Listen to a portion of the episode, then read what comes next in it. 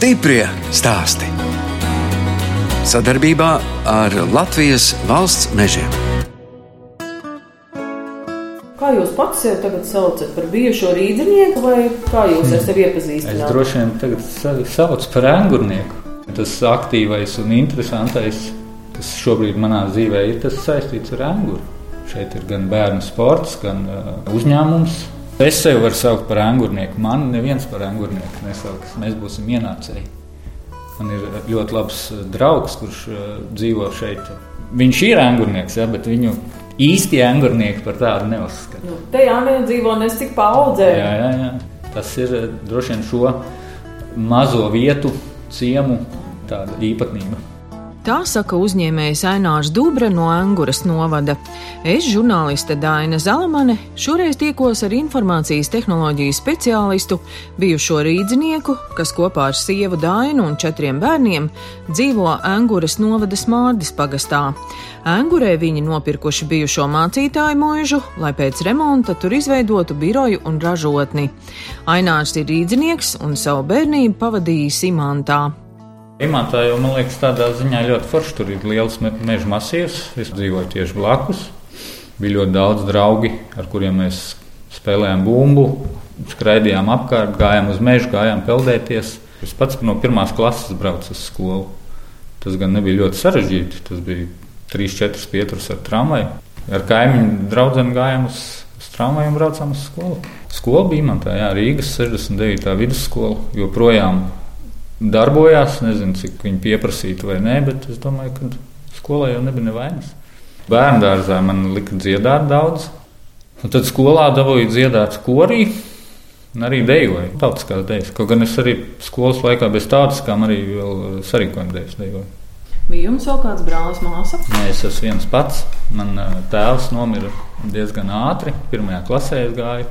Tad mamma audzināja jūs Jā. vienu, daudz strādāja. Jā, Rīgas rādio rūpnīcā. Bērnībā tad datoru nebija. Nē, tad nebija. Tad bija um, futbols. Mēs spēlējām tenisu. Tad, kad notika Wimbledonas turnīrs, ļoti aktīvi sekojām tam līdzi. Tur visiem lendliem, čaniem un paši ar spēlējām. Mums bija pagalmā asfaltēti laukumi. Kaut kā improvizējām, salikām kaut kādus stabiņus, vilkām striķus pāri un spēlējām. un Tas mums radīja daudz prieka. Un kāpēc jūs tādu programmēšanu izvēlējāties jau par specialitāti? Tu ļoti labi pabeidzi 9. klasi. Man nebija neviena trīnieka, un es varēju iestāties Rīgas Tehniskajā koledžā bez eksāmeniem. Un viņiem tur bija tādas specialitātes, programmēšana, telekomunikācija, kaut kāda mašīnu būve. Un tajā brīdī tā programmēšana likās tāda progresīva un uh, laba lieta. Man tēva brālis strādāja SVH. Likās, ka viņš dara kaut ko interesantu. Tajā brīdī, kad bija jāizvēlās, likās interesanti arī kokapstrāde. Es vienu brīdi domāju, iet um, par galvenieku mācīties. Nu, tā kā mamma jūs audzināja vienu, nu, tad droši vien jums gribējās arī atrast specialitāti, kur var nopelnīt. Droši vien, jā, ka nākotnē varētu nest uh, ienākumus. Tas ir sanācis. Es domāju, ka Latvijā vismaz tas ir viens no labāk apmaksātajiem darbiem koledžā. Tur bija vairāk priekšmetu, visādi datu bāzu vadības sistēmas un, protams, diezgan primitīvā līmenī. Bet uh, ieskatu tajā visā tas dod. Mums šķiet, bija obligāti kaut kādā trešajā vai ceturtā kursā jāmeklē prakses vieta. Un to es atradu Latvijas pastā. Bija meitas uzņēmums, viņš joprojām, man liekas, darbojās. Ir Latvijas pasta pakalpojumu tīkls. Tur bija milzīgs projekts ar IBM par visu jaunu tehnikas ieviešanu, datorizētas darba vietas pasniekiem un, protams, visi serveri un datu bāzes. Un tajā brīdī arī tur jauna tāda norēķina sistēma tika ieviesta pastā, pasta norēķina sistēma, PNS. Jā, un tie tie paši pirmsākumi. Ļoti interesanti. Un man tagadējā redzes loka skatoties, ka tāds tehnoloģiski nenormāls lēciens cilvēkiem, kas strādā ar kases aparātu, kuram jāgriež ar roku, tev jāsāk strādāt ar datoru. Tajā brīdī Latvijas pastam infrastruktūra, kas priekš šī projekta bija sagādāta, visas izdalītās līnijas uz visiem rajonu centriem, es domāju, kaut kādā brīdī tika nogulēts, lai pasts ar savu pasta norēķinu sistēmu uztaisītu labāko nu, finanšu pakalpojumu sniedzēju. Jo mēs tagad varam pārskaitīt naudu bankas ietvaros, ja tur minūšu laikā. Tieši tāpat bija iespējams PNS sistēmā, jau tas principā bija iespējams tajā laikā. Un tur, man liekas, pat bija fēnas reklāmas uztaisīt. Tur, nezinu, students zvana mammai, ieskaita man naudiņu. Ja? Un tas tiešām tā varēja notikt jau tad. Ainārs Dubra studijas turpināja Latvijas Universitātē vakara nodaļā, bet sievu Dainu satika savā nākamajā darba vietā uzņēmumā Tieto. Viņa arī ir informāciju tehnoloģiju speciāliste. Beigus fizmatus, mācījusies Rīgas pirmajā gimnājā. Tur droši vien tā matemātiskā domāšana, droši vien IT jomā un programmēšanā ļoti noderīga. Viņa vairāk ir teiksim, tāds analītiķis un, un biznesa analīze un, un prasību specifikācija un visādas tādas lietas. Es vairāk ar testēšanu nodarbojos un projektu vadību un, cilvēku vadību. Kā tad jūs nolēmāt no Rīgas pārcelties uz laukiem? Tas droši vien tāds ilgs lēmums, tas nav tā kā vienā dienā. Mēs ilgu laiku braukājām un dzīvojām pa brīvdienām, pa laukiem, tāpat pa vasarām, uz Rīgas darbu un atpakaļ. Mēs dzīvojam viensētā Smārdas pagasta mežā, kad 5 km no Tukuma ir. Tas bija sievas vecāku īpašums, kur kādreiz bija bijusi slēpošanas trase, stipri nolaistas ēkas, gara, gara tāda dzīvojama ēka. Tā mums šķita pārāk briesmīga, lai pie viņas ķertos, bet mums ļoti patika sienas šķūnis, kas bija apvienots ar kūti. Protams, tajā sienas šķūnī viss bija skaisti, tur teiksim, sauss. Pēc tam sapratām, ka tā kūts daļa ir stipri briesmīga, ka droši vien būtu vieglāk nojaukt pa jaunu uzcelt. Bet, nu, mūžs dzīvo, mūžs mācīs turp šurp braukājām, dzīvojāmies. Nu, tad vienā brīdī sapratām, ka droši vien ir fēni dzīvot tur, un, ja ir iespēja, kāpēc ne?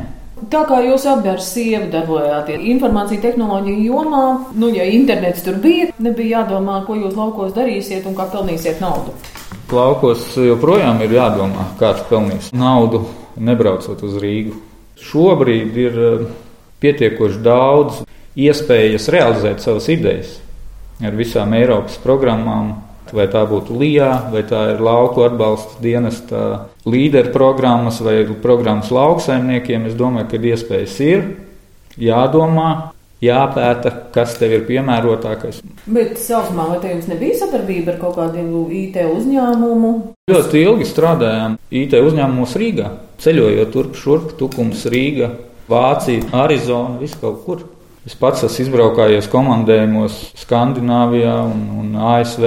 Jūs tad attālināti nestrādājāt? Sieva strādāja tādu, viņai bija vairāk iespēju. Tiksim, vadot cilvēkus, grūtāk attālināti. Vai katru dienu būt klāt, vai atbildēt uz jautājumiem, vai varbūt nu, kaut kādā savādākā veidā iesaistīties. Vai jums tā dzīve laukos sākās ar tādu lielu braukšanu? Jā. Un apnika kādā brīdī? Nu, apnika jau droši vien, kad ātrāk vai vēlāk tā braukšana. Bet, nu, tas arī tas nav Dārgopils. Līdz stundai tu esi Rīgā. Un Rīgā, kur te jūs dzīvojat, jums bija dzīvoklītis? Jā, mēs kaut kādu brīdi īrējām. Mums bija teikā dzīvoklis pašos labākajos īpašumu iegādes laikos, kad cena uz papīra un, un neuzceltai ēkai auga katru mēnesi. Tad tika iegādāts dzīvoklis. Un tajā pirmajā mājā mēs ievācāmies, kad viņi vēl nebija nodota eksploatācijai. Mums vienkārši vajadzēja kaut kur dzīvot. Vēl bija eh, stālažas pirmajā stāvā, tur kaut kas apkārt, bet nu, tur pirms celtniecība īsti nebija beigusies. Un ko jūs izdarījāt ar to dzīvokli pārdevāt beigās? Nē, nē, viņš joprojām ir mums īpašumā, viņš ir izīrēts. Izīrēt un par to maksājat to naudu bankai? Jā, tā tas ir, un, bet teiksim, tas kredīts diezgan liels ir, un tad tā īres maksa nesadz to visu. Bet, nu, tādi bija laiki. Rīgā dzīvojot, uh, ar pirmo dēlu bija ļoti sarežģīti ar visiem bērnu dārziem, rindām. Tajā laikā vietu bērnu dārzā nevarēja dabūt. Otrai meitai gāja vieglāk, viņa dzimusi janvārī. Viņa tika dārziņā. Bet nu, tajā brīdī, kad bija jāsāk pirmajam dēlam, Kārlim, iet skolā, tad mēs izdomājām, ka uh, mēs pārcelsimies pavisam. Viņš sāka iet Milskalnas sākuma skolā. Stiprie stāstī!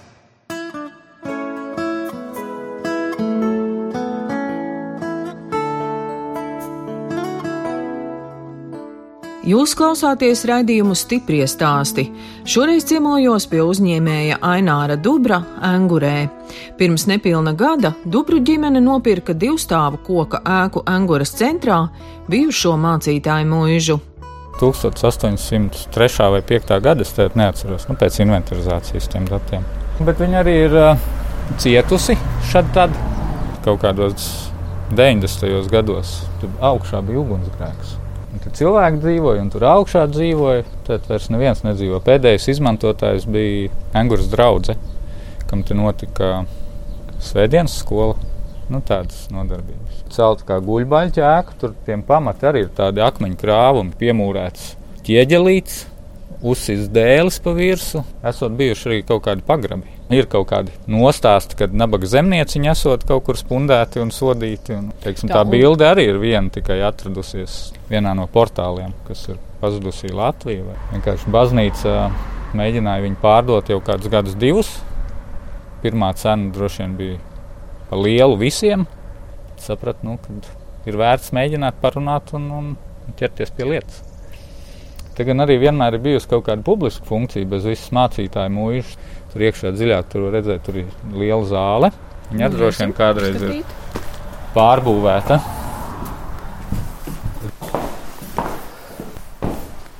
Un tie mazie lodziņi, te ir rādīts kino kādreiz. Tieši tā. Un kāpēc tā grīda ir tā, tādiem pakāpieniem nu, uz augšu? Te, te bija tie krēsli. Ah, lai labāk redzamība, jā. jā. jā. Te arī nostāsta, ka kādreiz ar tām filmām bija kā bija, un tad veido uz tukumu. Un kamēr tās filmas bija tukumā, tikmēr fiks kāds skrēja viņām pakaļ, lai šeit vēl paspētu izrādīt. Tad cilvēki, kas iet garām un skatās, ko mēs te darām vai nedarām, tad piemin, kad ir nākuši te skatīties gan fantomasu, gan ko tik vēl ne.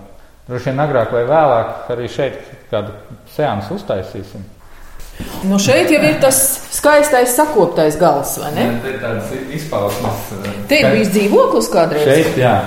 Pēdējais bija tā kā taisījās šeit dzīvot, bet īsti nepaspēja, jo tad, kad bija ugunsgrēks, tad viss tika salietas, nu, dzēšot ar ūdeni, un tad viņam piešķīra citu vietu. Tur ir bijusi virtuvīte un plītiņa, un tie zīmējumi tie jau ir droši vien jūsu darināti. Jā, jā, tie tādi, lai jautrāk. to zīmējusi, jā. jā. Kad es vienmēr ienāku šādās vecās ēkās, kuras uh, ieraugot, ir viena doma prātā, vai cik daudz te vēl darba, ko jūs spējāt saskatīt šajā ēkā, ko varbūt citi neredzēja.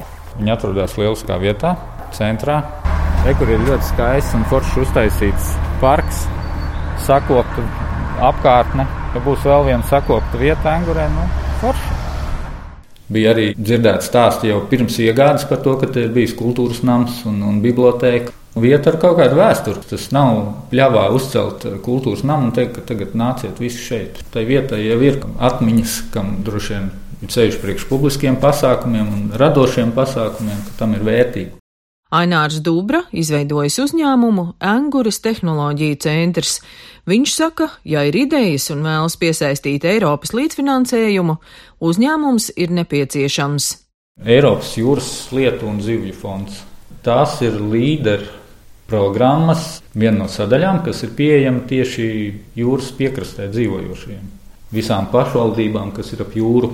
Bet tas jūsu projekts ir saistīts kaut kādā ziņā ar zivīm? Nē, ir iespēja realizēt ne tikai tradicionāli jūras krastā uzņēmēju darbību, kas būtu saistīta tieši ar jūru, tur zvejot, taisīt laivu, tiek atbalstīta visa veida uzņēmēju darbība. Lai gan Aināra uzņēmumu sauc Anguras tehnoloģiju centrs, viņš nodarbosies ne tikai ar datorlietām. Aināra sieva Daina izveidojusi zīmolu Pērle Rada, Ada Cepures gatavos arī apģērbus no kaņepēm, bet Ainārs nopircis laivas un subdēļus, lai varētu nodarboties ar ūdens sportu. Šī ideja gan radusies nejauši. Sieva, lasot Anguras novada avīzi, izlasīja ziņu, ka Angurē sezonas sākumā tiks rīkot atvērta durvju diena, un tiek vākti bērni, kam interesē mācīties burēt. Un tā mēs esam gurē. Kārlis pabeidza pirmo klasi, tātad tas bija seši gadi. Bet jūs paši pirms tam arī ar burāšanu nodarbojāties? Nē, es nekad neesmu nodarbojies ar burāšanu. Es esmu ar, ar wakeboardu mazliet ar draugiem nodarbojies. Sieva mazliet ar windsurfingu kādreiz. Patiesībā dēla dēļ. Jā. Tas viss sākās. Bet tas ļoti foršs sporta veids. Tagad mēs esam pie jūras konteinera. Un ko tad jūrā, kur, kur šāds konteiners izmanto, ko dara ar tādiem? Mums vēl liek kravas, tas brauc pa visu pasauli.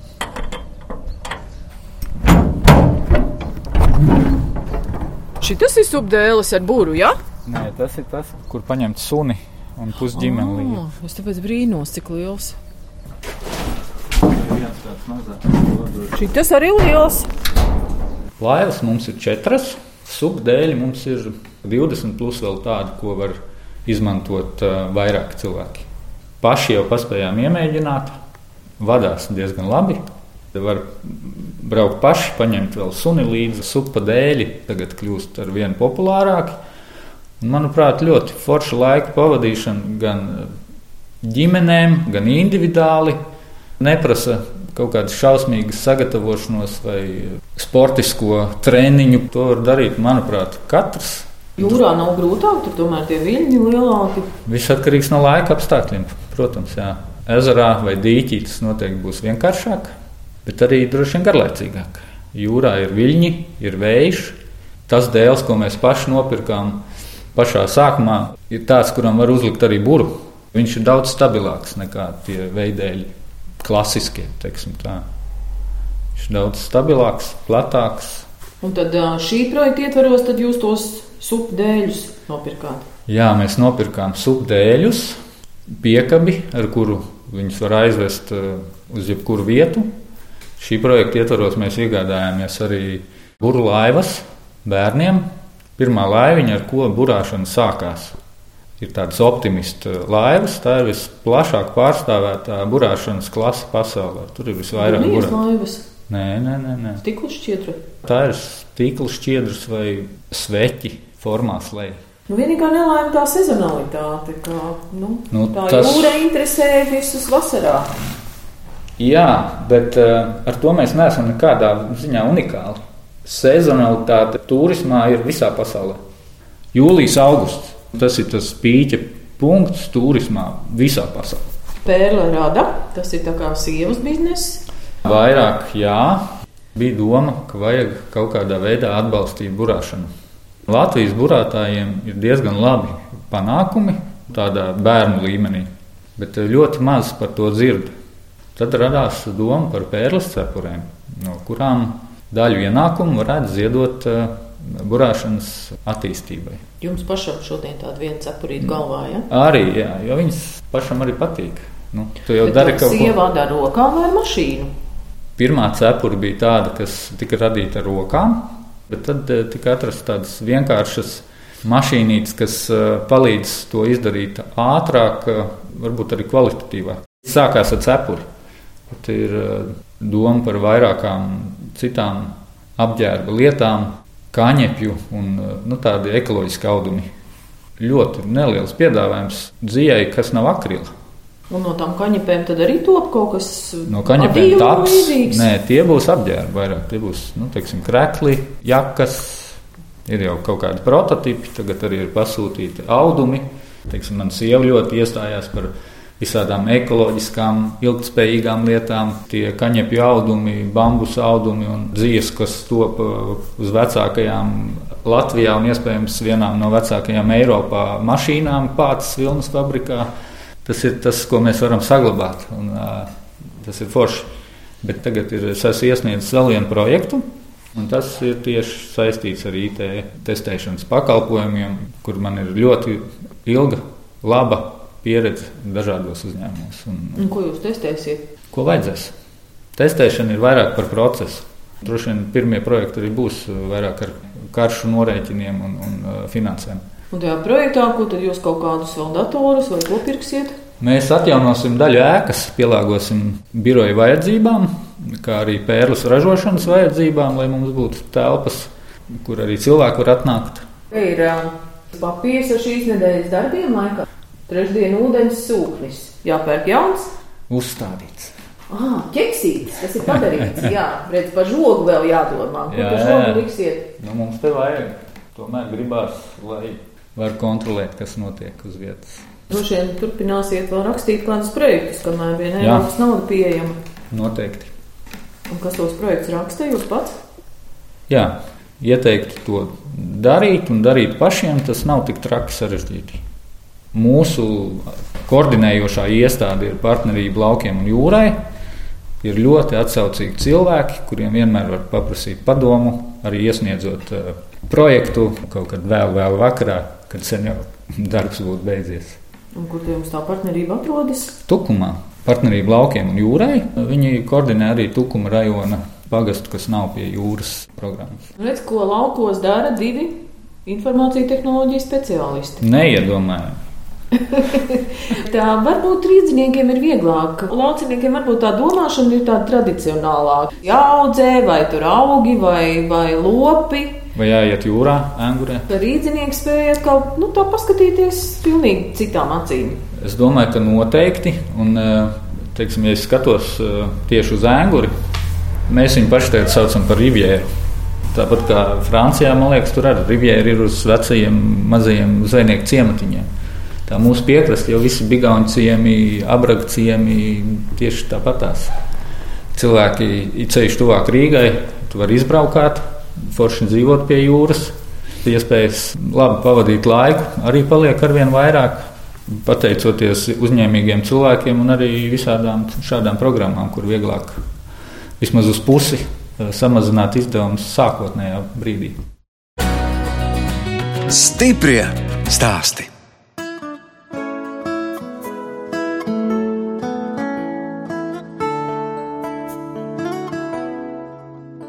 Skan raidījums stipri stāsti. Šoreiz ciemojos pie uzņēmēja Aināra Dubra Angurē. Ainārs jau stāstīja, cik grūti Rīgā bija atrast dēlam vietu bērnu dārzā. Laukos šādu problēmu nesot. Tagad Dubru ģimenē aug četri bērni vecumā no 4 līdz 13 gadiem - Kārlis, Ulla, Annika un Krišs. Kārlis ir ļoti liels sportists. Ir spēlējis futbolu un visu kaut ko, ko viņš dara, teiksim, sportā, viņam ātri iepatīkās un ļoti aizrautīgs. Bet dzīvē varbūt viņam mazliet pietrūks, vismaz tagad tā, man liekas, ka viņš varētu izdarīt tā līdz galam. Tāpat kā viņš spēlē klavierus, viņam ir jāmācās daudz gabalu, līdz ar to, teiksim, var iemācīties notis un var iemācīties izpildīt, nu tā, ka tev ļoti patīkami klausīties visu to ir un radīt tādu palīkošu baudāmu, tas ir ļoti grūti. Tik ilgi nespēja slīpēt. Kā. Nu, bet tādam sportiskam puisim spēlēt klavierus, tas jau ir tāds izaicinājums. Jā, bet tas ļoti attīsta domāšanu un arī teiksim, matemātikai palīdz. Tas ir vispusīga attīstība. Skaidrs, ka vieglāk ir vai nu spēlēt klavierus, vai nu braukt ar laivu, vai spēlēt futbolu un darīt tikai vienu. Tad nākamā ir Ulla, Katrīna. Ulla mācās, viņa arī būrā. Viņai tas arī ļoti patīk. Viņa spēlē violi pagājušā gada beigās. Viņiem sākās tāda lieta, ka, ka viņi sāka spēlēt uh, orķestrī. Ir tāds ziemeļkurzemes orķestris.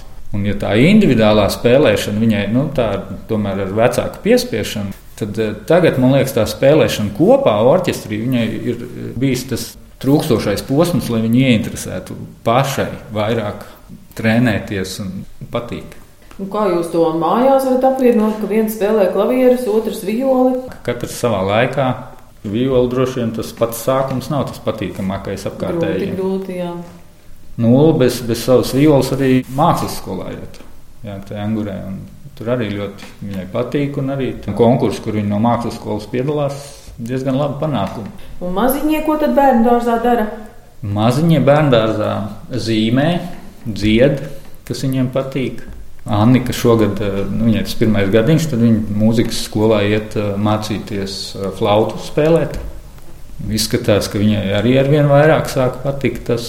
Tā kā šodien nav jūsu sieva mūsu sarunā klāt, kā tad ir sieva? Skaista, gudra, radoša. Un no kā viņai tā interese par mākslu, nu redz, te ir viņas glāznes? Grūti spriest. Bet, nu, droši vien katram cilvēkam ir kaut kas tāds, ka teiksim, izvēloties savu karjeras ceļu, ja, nu, droši vien ir kaut kas, kaut cik interesē, plus kaut kāda kritērija, kur varētu nopelnīt un tā tālāk. Bet, nu, kaut kādā brīdī tu droši vien gribi aizpildīt to brīvo laiku ar tām lietām, kas tev interesē. Manai sievai, Angurē, nu, pavisam nesen bija izstāde Ir bijušas izstādes Siguldā un, un ar Kārli Dobrāju. Tas ir pēdējais mākslinieks, pie kura viņa mācījās, un kopā arī teiksim, izstādes viņam bijušas. Un ko Silva glazno, nu te vieni tāda, viens abstrakts tās darbs, dažādi. Tas, tas droši vien atkarīgs no kaut kāda brīža, kas interesē, kaut kādas tehnikas vai kaut ko jaunu pamēģināt. Vienu brīdi viņi glaznoja bērnus, mūsu bērnus, citus bērnus, ziedus, ainavas, krāsu laukumus, kas ir aktuāls vai kāds ir tas eh, mākslinieka iedvesmas avots tajā brīdī. Tagad tuvākais pasākums kaut kad jābūt ir eh, grafitī konkursa apbalvošanām un noslēgumam. Un šo konkursu organizēja jūsu sieva. Jā. Kas piedalās skolēni? Skolēni, kas vai nu dzīvo, vai nu strādā, vai nu mācās Angūras novadā. Un kur tad tas grafitī tika zīmēts uz, uz kādas nu, ēkas? Redzēsim, teiksim, mums ir konteiners. Un arī teiksim, ir doma tās interesantākos darbus likt uz krekliem. Ainārs Dubra stāsta, ka šobrīd arī pašu hobiju saistīta ar bērnu vaļas prieku burāšanu. Mums tur ir ļoti jauka draudzība ar vienu itāļu burātāju ģimeni izveidojusies. Viņi pagājušajā gadā bija atbraukuši pie mums ciemos. Mēs tur iztaisījām tūri pa Baltijas sacensībām kopā ar viņiem. Viņiem tikko arī ceturtais bērniņš piedzima, ceturtais dēls. Ļoti interesanti. Viņi arī ir pārcēlušies no pilsētas, dzīvot uz laukiem. Viņiem ir uh, kaut kādi 300 vairāk hektāru zemes Itālijas dienvidos, audzē olīvas, kur viņiem ir olīveļa ļoti laba, tad viņiem ir apelsīni un kivī. Jūs arī esat bijuši pie viņiem ciemos? Jā, jā, jā. braucām pusotru gadu atpakaļ ar bērniem tādā burāšanas braucienā rudenī, tad, kad mūsu sezona ir beigusies. Mēs sākām ar Sloveniju, tur bija viens sacensības. Nākamās eh, sacensības bija pretī Sicīlijai, tur ir Reģio Kalabrija. Un tur viņi bija viena no tiem organizatoriem, tāda aktīva ģimene. Tur mēs aizbraucām pie viņiem ciemos uz viņu fermu. Pavadījām tur veselu dienu, kamēr mums tur vadīja pa visiem tiem olīvu laukiem un kiviju laukiem. Un, un bērni, tā kā divi lielākie burāji, tad mums līdzi bija Annika un Krišs. Viņiem mājās bija mazais Ferdinando, kurš, protams, nerunā nevienā citā valodā kā itāliski. Fermā ir auklīte, kas tieši tāpat nerunā nekādā citā valodā. Un, Bērni sapratās droši vien. Un bērni sapratās, un viņiem valoda nebija nepieciešama. Kopā ar bērniem mēs droši vien ļoti interesantus ceļojumus esam piedzīvojuši tieši šai pašā braucienā. Tā kā tur bija neliela pauzīte, mēs aizvedām savu inventāru, atstājām tur ostā un braucām pa Sicīliju ceļojumā. Aptuveni nedēļu. Tā kā jūsu dzīve tagad arī lielā mērā saistīta ar anguri. No Aņas mācības pagasts jau gan ir Angūras novadā, bet, jā, jā, jā. tas tomēr tā kā tuvāk tukumam. Kas notiek Angūrē? Nav īsti veida, kā, kā jebkurš teiksim, varētu nopirkt svaigu zivi, ja tu nepazīsti zvejnieku sangurē. Un tas man liekas, ka bišķiņi pietrūkst. Tā ir tirgus vieta, kur, manuprāt, varētu to darīt. Kaut kādas zivis piedāvāt, bet nu, tā īsti nav. Bet eh, par ēnguru kā tādu arvien vairāk un vairāk cilvēki parādās. Gan eh, bijušie angurnieki, teiksim, kas ir vien, mācījušies, strādājuši vēl kaut kur, viņi atgriežas un būvē savas mājas un grib šeit dzīvot. Tāpat eh, tādi paši cilvēki kā mēs, kas ir atnākuši piemēram no Rīgas, kam Rīga ir palikusi par lielu, par nogurdinošu, kas eh, droši vien arī cer, ka varēs eh, bez viņas iztikt. Es šeit esmu sastapis ģimeni, kas arī nesen pārcēlās. Mana bijusī skolas biedrene. Saka, jā, mēs tur nopirkām īpašumu, sākam lēnām atjaunot, būvēt, un tagad varētu būt gads, kā viņi ir arī noenkurojušies Angurē. Vieta nepaliek tukša. Galu galā, nu, te tomēr ir jūras piekraste, kas vienmēr būs pievilcīga dzīves vieta. Jā, noteikti.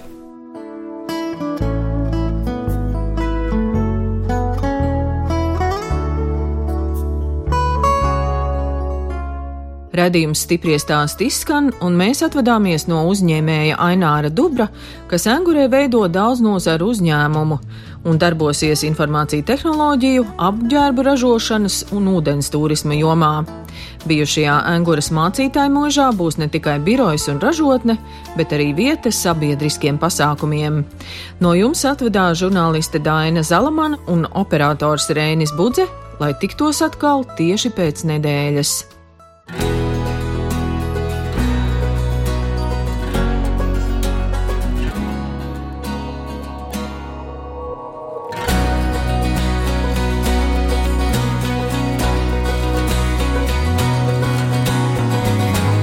Stiprie stāsti sadarbībā ar Latvijas valsts mežiem.